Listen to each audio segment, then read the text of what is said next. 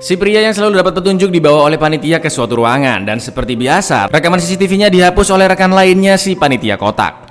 Di base camp, Sang Woo meminta maaf ke teman-temannya karena sudah meminta mereka memilih simbol yang berbeda. Oh enggak, enggak apa-apa kata Gihun si baik hati. Hasil permainan kedua pun diumumkan. Dari yang awalnya 187 sekarang tersisa 108 pemain dan otomatis hadiah bertambah menjadi 34,8 miliar won. Lalu saat waktunya makan, para pemain hanya mendapatkan seekor telur rebus dan minuman. Karena dirasa kurang, Doksu dan timnya pun masuk lagi ke antrian biar dapat makanan double sungguh kurang ajar. Alhasil ada lima pemain yang nggak kebagian makanan. Mbak-mbak yang tadi antriannya disalip pun cepu jika ketika Doksu dan kawan-kawan yang ngambil makan dua kali. Proteslah mereka ke Doksu, tapi dia malah emosi balik dan menghajar pria tersebut sampai meninggal. Aduh. Gihun pun berteriak meminta panitia menyelesaikan kasus tersebut, tapi mereka diam aja. Bahkan kematian pria tadi masuk ke dalam hitungan. Seperti biasa lampu akan dimatikan 30 menit lagi ketika jam tidur. Tapi Sang Woo meminta teman-temannya untuk tetap melek Karena sepertinya Doksu and the gang merencanakan sesuatu yang jahat. Gyun pun memperingati Sebyok untuk berkumpul di daerah kasurnya Jika terjadi sesuatu saat gelap nanti Karena dia tahu Sebyok nggak akur sama Doksu di suatu ruangan rahasia, pemain yang berkomplotan dengan panitia tadi ternyata adalah seorang dokter yang diminta mengambil organ-organ dari mayat pemain. Sedangkan kedua panitia itu dan beberapa rekan yang lainnya adalah oknum yang melakukan transaksi jual beli organ tanpa sepengetahuan penyelenggara acara. Sebagai imbalannya, dokter mendapatkan petunjuk permainan berikutnya seperti apa dan ternyata sebelum permainan ketiga dimulai, nanti malam saat para pemain tidur akan ada bagian kecil tanda kutip dari permainan. Karena panitia memang sengaja memberikan sedikit makanan sebelumnya lur agar terjadi berkelahian dan saling bunuh satu sama lain untuk menyingkirkan yang lemah. Maka dari itu oknum panitia menyarankan dokter untuk bergabung ke tim yang kuat agar bisa bertahan hidup.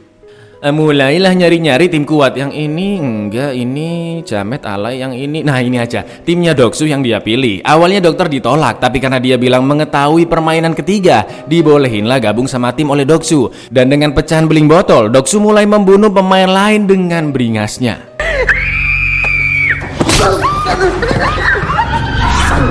Biar permainan kecil ini lebih seru, Frontman mulai menyalakan lampu neon kedap-kedip agar suasana lebih mencekam. Setelah itu Doksu dan timnya langsung menyerang Seibyok, tapi dia sempat melawan balik dengan pisaunya. Kekacauan pun terjadi, semua orang saling mencurigai satu sama lain dan mencoba membunuh. Gihun, Sangwoo, dan Ali pun bekerja sama untuk menyelamatkan Mbah Ilnam, tapi ternyata dia nggak ada di kasurnya. Sampai akhirnya Seibyok pun mendatangi kelompok Gihun dan mereka membantu melawan kelompok Doksu. 얘도 우리 편이거든.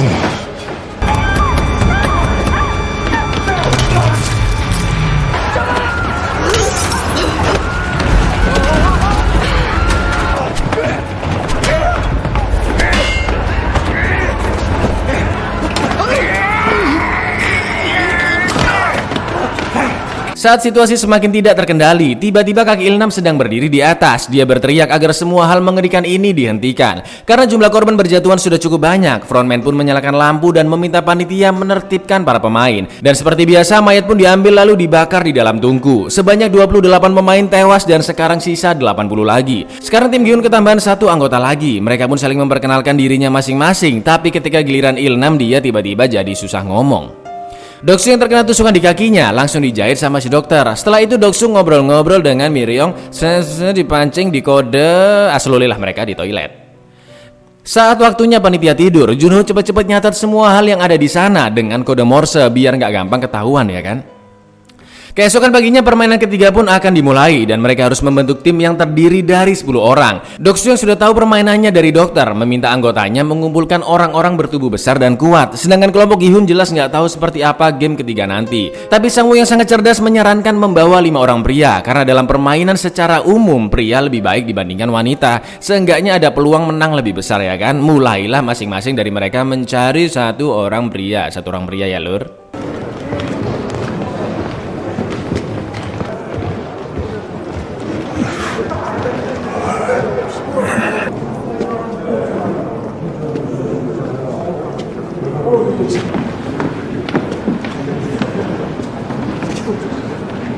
Karena Doksu tahu permainan kali ini butuh kekuatan, dengan kejamnya dia membuang Miryong begitu saja. Di titik inilah Miryong membenci dan berniat membalas dendam ke Doksu. Sebyok udah dibilangin bahwa cah lanang malah bawa cewek tindikan ya kan? Karena entah kenapa Sebyok merasa cocok dengannya. Anggota pun sudah terkumpul, tapi mereka masih bersembilan dan tiba-tiba Miryong pun datang memaksa gabung dengan mereka. Ya ya udahlah ya, nggak ada pilihan lain dan waktu sudah habis juga. Akhirnya para pemain pun diantar ke arena permainan ketiga yang ternyata adalah tarik tambang. Bukan kayak 17-an yang seru-seruan tapi kalau musuh kalah melewati garis, otomatis akan mampus jatuh ke bawah. Setelah diundi, pertandingan pertama adalah tim berandalan Doksu dengan tim yang sangat-sangat terlihat lemah dan ciper duluan. Sudah jelas siapa yang menang ya kan?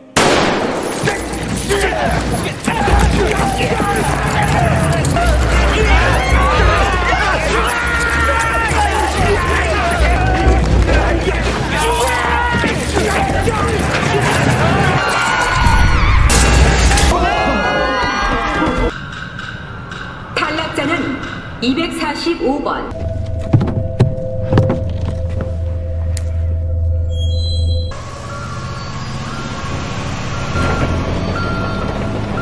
Berikutnya tim nomor 4 Gihun melawan tim nomor 5 di sebelahnya persis yang isinya cowok semuanya mampus. Meskipun ada tiga cewek, jarinya Ali tiga sudah diamputasi, juga Mbak Ilnam yang sudah renta dan gak tidur semalaman. Tapi Ilnam punya strategi jitu memenangkan pertandingan meskipun mereka lebih lemah. Dulu saat kecil Ilnam sering memenangkan tarik tambang, kuncinya ada di orang paling depan dan belakang. Orang paling depan harus menjadi sosok yang berani dan pantang menyerah karena semua tim melihat sosoknya dari belakang. Sedangkan orang paling belakang harus bertubuh besar dan kuat seperti jangkar. Maka dari itu Giun berada di paling depan dan Ali si pekerja pabrik berada di paling belakang. Lalu sisanya harus ditempatkan selang-seling kiri dan kanan. Setelah itu kaki mereka harus sejajar menghadap ke depan dan tali ada di dalam ketiak. Terakhir di 10 detik pertama mereka hanya cukup bertahan dengan cara membaringkan badan. Di sinilah mental dan energi lawan akan terkuras karena tali tidak bergerak sama sekali. Tepat ketika musuh kehilangan ritme permainan, giliran Gihun yang memberikan instruksi menarik talinya. Uh, luar biasa.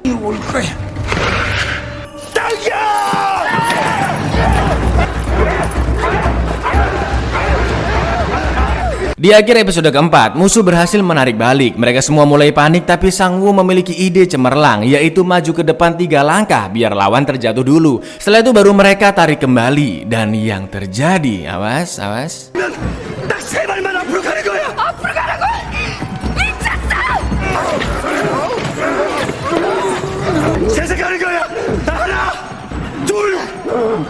Get out!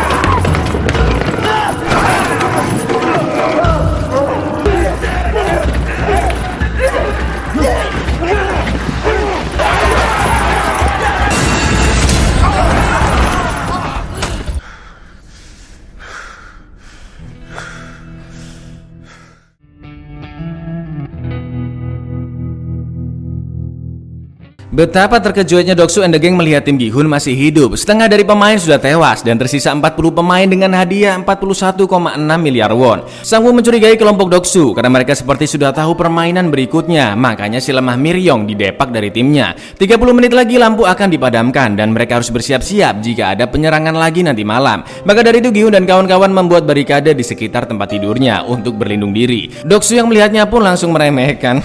Ente bangun beginian percuma bro, kena tiup juga roboh katanya. Dibaliklah sama Gihun, emang tim anda bisa dipercaya? Kalau aku jadi mereka sih ya bakal bekerja sama bunuh ente duluan su, karena ente yang terkuat di sini. Hmm, kapokmu kapan? Mulai mikirlah si Doksu karena dia pengalaman dihianati sama anggota gangsternya sendiri. Akhirnya nggak jadilah nyerang mereka dan Doksu meminta timnya istirahat aja nanti malam. Saat lampu sudah dipadamkan, mereka pun berjaga bergiliran dan berpasang-pasangan biar lebih aman. Setelah Sang Woo dan Ali berjaga, sekarang gantian Gihun dan Bah Ilnam. Gihun pun curhat jika dulu dia pernah bekerja selama 10 tahun di perusahaan mobil, sampai akhirnya para pekerja dipecat karena perusahaan bangkrut. Sejak saat itulah Gihun akhirnya mulai utang sana-sini karena lagi banyak kebutuhan, termasuk kelahiran anaknya. Ilnam pun teringat jika dulu memang ada aksi mogok besar-besaran dari sebuah perusahaan mobil. Lalu tiba-tiba Ilnam terkena demam yang sangat tinggi. Gihun pun langsung mengompres dan merawatnya agar Ilnam bisa bertahan hidup. Di lain sisi, beberapa oknum panitia ternyata memiliki tungku khusus yang bisa membuang mayat ke bawah dengan dibantu teman lainnya di bagian CCTV. Setelah mayat sampai di ruangan rahasia, seperti biasa dokter pun dipanggil. Ternyata selama ini yang mereka incar adalah orang yang sekarat, sedangkan malam itu orang yang mereka bawa sudah mati. Ya udahlah ya daripada nggak ada organ yang bisa dijual ya kan. Kebetulan yang sangat kebetulan panitia nomor 29 adalah salah satu komplotannya dan Junho sudah menyamar sebagai panitia tersebut. Alhasil dia bisa masuk ke dalam ruangan rahasia. Setelah sebuah organ sudah dibungkus, kedua panitia lingkaran pun diminta segera mengantarkan ke kapal sebelum terlambat. Tahulah akhirnya Junho jika di sana ada lorong rahasia untuk keluar dari tempat tersebut, di mana lorong itu dibuat sebagai akses untuk kaburnya petinggi atau disebut dengan VIP jika terjadi keadaan darurat. Di dalam sana juga sudah ditempeli bom untuk meledakkan seluruh tempat tersebut dan menghilangkan jejak mereka. Karena Junho kebanyakan tanya, dia akhirnya dicurigai dan diminta melepas topengnya. Junho pun mengancam balik dengan pistolnya dan meminta panitia membuka topengnya juga. Juno berpikiran mayat yang organnya dijual sebelumnya adalah kakak laki-lakinya yang menghilang. Tapi ternyata mayat sebelumnya adalah perempuan. Karena oknum-oknum panitia ini mengazululi mayatnya sebelum dibedah sungguh sebuah kelainan. Biar lebih percaya, dia memberitahu adanya daftar semua pemain lengkap dengan seluruh informasinya yang disimpan di atas tangga lorong tempatnya pemimpin permainan atau frontman berada. Tapi tetap aja perlakuan biadabnya membuat Junho membunuhnya dan setelah itu dia pergi mencari daftar pemain.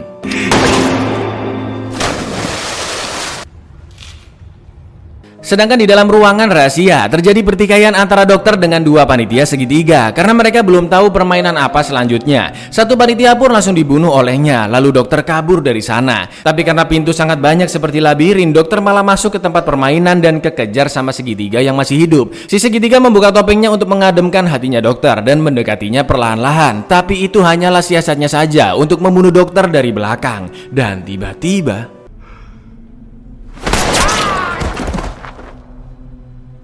Semua kebusukan oknum panitia sudah diketahui oleh frontman. Frontman gak peduli dia mau jual organ kayak, mau jual tazos kayak, mau ngapain kayak. Karena yang dipermasalahkan adalah prinsip kesetaraan di tempat tersebut. Pemain mendapatkan kesempatan hidup dan mati yang sama. Tapi mereka telah melanggar prinsip kesetaraan itu. Maka panitia dan dokter langsung dibunuh saat itu juga.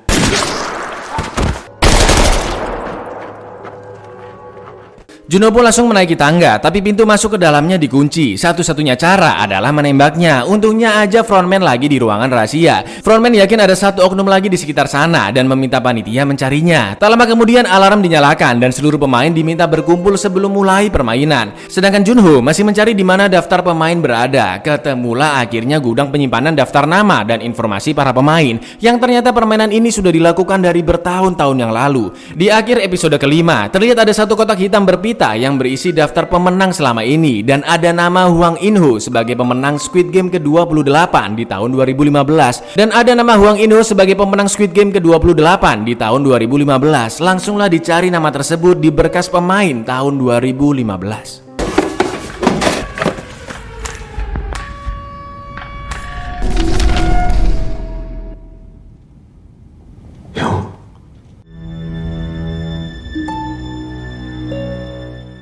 Junho yang masih ada di dalam gudang berkas memfoto semua yang sekiranya penting sebagai bukti, daftar pemenang, surat perjanjian, macam-macam lah pokoknya difoto semuanya. Lalu tiba-tiba telepon di sana berbunyi dan pas banget frontman yang baru balik langsung angkat teleponnya. Frontman mengatakan jika masalah kecil yang terjadi sudah ditangani dan gak akan mengganggu para petinggi atau yang dijuluki VIP ketika nanti datang ke sana. Untungnya frontman gak masuk ke dalam gudang dan Junho yang nguping sudah mendapatkan informasi baru bahwa ada VIP datang ke sana. Junho pun mencoba menelpon polisi dan ambulans melalui telepon tersebut tapi nggak bisa nyambung karena itu adalah telepon khusus.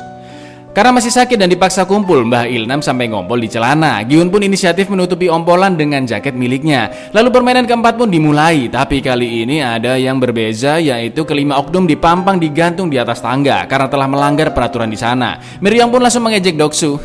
Nggak punya koneksi lagi ya mampus. Di permainan keempat ini, pemain harus berpasang-pasangan. Jika kedua orang setuju dan berjabat tangan, maka sudah dianggap menjadi tim. Cepat-cepatlah mereka nyari pasangan dalam waktu 10 menit, karena nggak ada satupun yang mau menerima Miryong di timnya Gihun. Dia pun memaki-maki mereka dan langsung pergi dari sana. Ketika Gihun akan mengajak Sangwoo, dia malah ngajak Ali menjadi timnya. Sebio berpasangan dengan Mbak Tindik, sedangkan mas-mas lainnya juga sudah berpasangan. Hanya tersisa Mbak Ilnam, tapi dia tahu Gihun nggak bakalan mau berpasangan dengannya. Dan Ilnam hanya memberikan jaket miliknya gurunya sebagai ganti jaket Gihun yang kena ompol. Dicari, cari, cari, cari, cari, ketemu guru matematika yang mengajaknya bergabung, tapi Gihun nggak feeling dengannya. Guru MM ini pun mengatakan jika setelah tewasnya dokter, peserta hanya 39 orang, jadi pasti ada satu yang nggak dapat pasangan. Dan kayaknya si kakek yang menyendiri itu, kata Pak Guru. Melihat betapa malangnya si kakek, Gihun pun menolak ajakan guru MM dan mengajak kakek Ilnam bergabung dengannya. 영감님, 저랑 하실래요? Tebak siapa yang belum dapat pasangan sampai waktu habis lur si penjilat Miryong dan dia akhirnya digeret panitia keluar dari sana.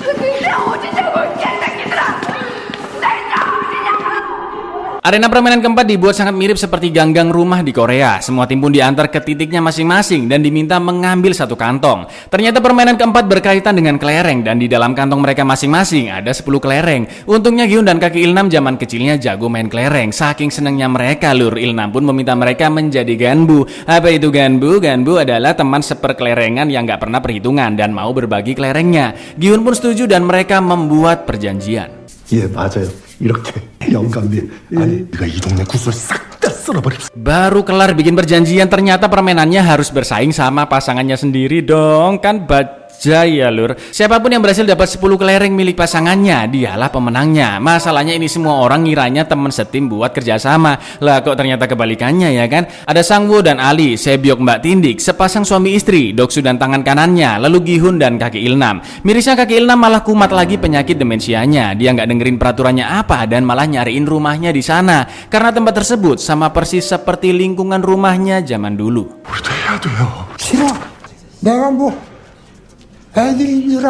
Para pemain diberikan waktu 30 menit. Mereka bisa menggunakan berbagai macam jenis permainan untuk mengambil kelereng musuh, asalkan tanpa kekerasan. Jadi sejengkel-jengkelnya Doksu dengan anak buahnya, dia nggak bisa membunuh karena ada panitia yang memantau di setiap tim.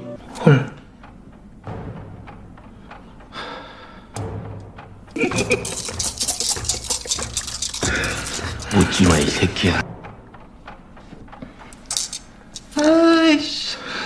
폭력은 못 쓴다잖아, 이 비은신 새끼야. Hampir semua tim main tebak ganjil genap. Jadi permainannya gini, misal nih si A berhasil nebak kelereng yang dipegang sama B, ganjil atau genap. Kalau tebakannya benar, si B harus ngasih kelerengnya sesuai berapa jumlah kelereng yang dipegang sama A. Begitu pula sebaliknya. Paham lur? Paham dong? Karena Doksu kalah terus di permainan tebak ganjil genap, dia minta jenis permainan yang lain dan panitia mengizinkan. Doksu pun memilih main lempar ke dalam lubang. Ini kalau zaman aku kecil namanya main lop-lopan lur. Komen-komen di bawah kalau di daerah inti namanya apa. Kancut, siapa pun yang bisa memasukkan kelereng ke dalam lubang, maka dia bisa mengambil semua kelereng yang ada di tanah.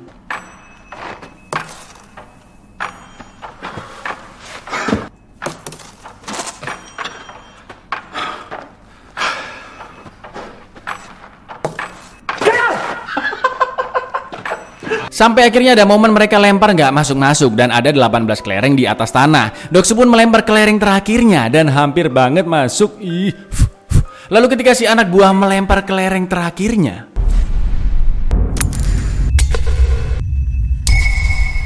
Gara-gara kerikil dong malah kelerengnya Doksu yang masuk bejonya ente su Doksu. Meskipun mencoba kabur tapi si anak buahnya akhirnya ditembak mati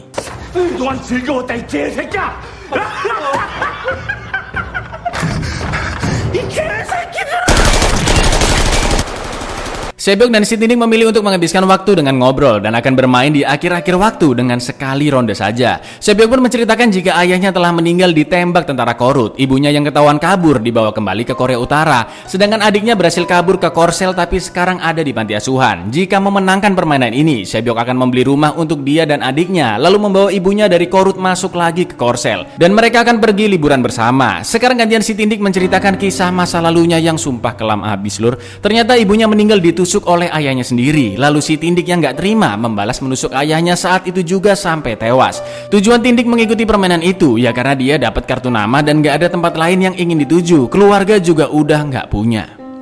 Di lain tempat, meskipun Ali nggak mau melawan Sang Woo yang sudah baik kepadanya, tapi permainan harus tetap dilanjutkan. Ali selalu berhasil menebak dan mendapatkan 9 kelereng Sang Woo. Sampai gemeter tangannya Sang Woo lur, tinggal satu kelerengnya. Udah pasti ketebak ganjil ya kan? Sang Woo pun sangat emosi dan mengira Ali berbuat curang. Padahal ya dia cuma bejo aja nebak bener terus. Sampai akhirnya panitia menodongkan pistolnya agar Sang Woo tidak bertindak lebih jauh. Sang Woo pun memohon ke Ali untuk membantunya karena dia punya keluarga. Dia mulai mengungkit semua kebaikannya kepada Ali dan dia memiliki rencana agar mereka berdua bisa keluar keluar dari sana. Sang Woo yakin ada tim lain yang nggak bisa menang pertandingan, entah nggak tega atau menang kalah ganti-gantian terus. Maka dari itu Sang Woo akan menggabungkan kelereng mereka dan akan bertanding dengan tim lainnya. Yang mereka incar adalah pemain yang sangat muda atau yang sangat tua. Lalu saat mereka akan berpisah mencari tim lain, Sang Woo mengingatkan Ali untuk membawa kantong kelerengnya dengan cara yang aman. Diambillah kantong kelereng Ali, ditaruh bawah jaketnya dan Sang Woo merobek bajunya untuk membuat kalung-kalungan dari kain. Dengan begitu, Ali tidak akan kehilangan ke-19 kelerengnya dan jauh lebih lebih aman. Sang Wu meminta Ali bertemu lagi di sana saat waktu tersisa 3 menit lagi dan saat itulah Sang Wu akan memberitahu strategi selanjutnya. 어때? 이러니까 훨씬 더 안전하겠지. Gihun akhirnya berhasil memaksa Mbak Ilnam untuk bermain, tapi dia kalah terus sampai sisa satu kelereng. Untungnya sekarang giliran dia nebak. Kalau bener lumayan nambah kelereng satu kan lur, tapi kalau salah jelas Gihun yang mampus ya kan. Gihun pun bilang genap, it's bentar, bentar. Ganjil aja, ya ganjil. Tapi ternyata 짝 잠깐만요 홀 홀. Bener genap tebakannya yang pertama dong. Tiba-tiba Mbak Ilham bertanya, ehm, kamu tadi bilang apa? Apa? Kamu bilang apa tadi? Apa? Karena tahu penyakit demensianya masih kambuh, Gihun pun langsung mengganti jawabannya jadi genap. Si kakek percaya aja kalau dia yang kalah dan langsung memberikannya satu kelereng. Kesempatan ini pun digunakan Gihun untuk menguras kelereng milik kakek Ilnam. 뭐라고 했지? Meskipun tebakannya Ilham benar, tapi Gihun mengatakan jika yang dia ucapkan adalah sebaliknya. Gihun hanya bisa menahan tangisnya karena dia terpaksa membohongi kakek demi bertahan hidup. Sampai akhirnya kelereng Ilnam hanya tersisa tiga dan dia menggenggam semuanya. Gihun yang sempat melihatnya dengan mudah langsung menebak ganjil, tapi sebelum membuka tangannya, Ilnam teringat ulang tahun anaknya di tanggal 24 nanti dan dia berjanji untuk memberikan kado ke anaknya tahun ini. Wah, makin gemeter bibirnya Gihun nahan nangis dan dia terpaksa mengambil tiga kelereng terakhir milik Ilnam. Lalu saat Gihun sudah merasa menang, Ilnam Ilnam ternyata masih memiliki satu kelereng terakhir di kantongnya. Terkejuatlah Yun dan menghitung ulang jumlah kelerengnya. Ternyata benar masih 19 lur kurang satu. Tiba-tiba kaki Ilnam sudah pergi lagi, melanjutkan mencari rumahnya di sana dan Gihun pun cepat-cepat mengejarnya. 여기 이게 구석에 하나 있었네.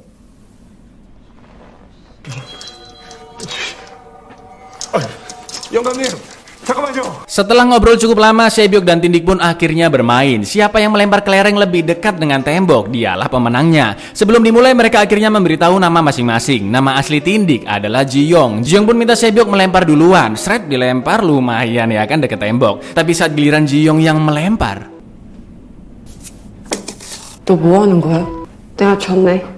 Jiyong sengaja kalah karena dia nggak punya tujuan hidup, berbeda dengan Sebyok yang masih memiliki keluarga dan memiliki tujuan yang jelas. Jiyong pun berpesan agar Sebyok bisa memenangkan permainan dan berkumpul kembali dengan keluarga yang tidak pernah dimilikinya. 엄마도 만나고 동생도 찾고 그게 맞잖아.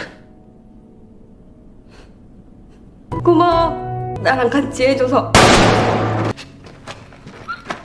Di lain tempat, ternyata Sang Woo sangatlah licik. Ketika Ali teralihkan suara tembakan tadi, dia menukar kantong Ali dengan kantongnya sendiri yang sudah diisi banyak kerikil. Lengkap sudah 20 kelerengnya dengan menambahkan satu kelereng yang disimpan di kantong celananya. Seselesainya Ali muter-muter nyari tim lain. Sesuai janji dia kembali ke tempat pertemuan saat waktu kurang 3 menit lagi. Tapi dia malah melihat Sang Woo yang akan kembali ke base camp. Di situlah Ali sadar telah dihianati dan hanya bisa menahan tangisnya.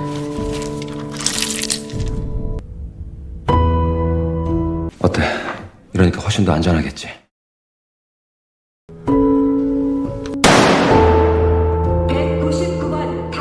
Waktu sudah semakin menipis dan Ilham akhirnya menemukan rumahnya yang dulu pernah ditinggalinya bersama istri dan anaknya. Ilham bilang jika dulu dia sering sembunyi di balik tiang listrik sambil mengintip anaknya bermain dengan teman-temannya. Jelas Gyun bodoh amat sama semua omongannya karena waktu sudah mepet dan dia butuh satu kelereng terakhirnya. Tiba-tiba Ilham bilang, gimana kalau kita main satu ronde lagi dengan mempertaruhkan semua kelereng milik kita? Ya nggak bisa gitu dong, kelerengku udah 19 mbah, itu kan nggak adil kata Doksu. Dengan suara paraunya Ilham berkata, jadi menurutmu membodohiku dan mengambil semua kelerengku adalah sesuatu yang adil. Mampus Kicep diam dan Gihun menyesali perbuatannya. Karena ternyata tadi Ilna masih dalam kondisi sadar. Saat Gihun bingung apa yang harus dilakukan, tiba-tiba Ilna memberikan kelereng terakhirnya secara cuma-cuma. Dengan beralasan bahwa mereka adalah ganbu atau sahabat yang gak pernah perhitungan dan akan berbagi segalanya. Ilna pun berterima kasih atas segalanya karena sosok Gihun membuat Ilna bisa bersenang-senang di sana. Di akhir episode ke-6, Ilna memeluk Gihun yang masih terus menangis dan mengatakan jika dia akan baik-baik saja. Sampai akhirnya waktu pun habis dan Giun harus meninggalkan kakek Ilnam dengan perasaan yang sangat terpukul. 다 괜찮을 거야.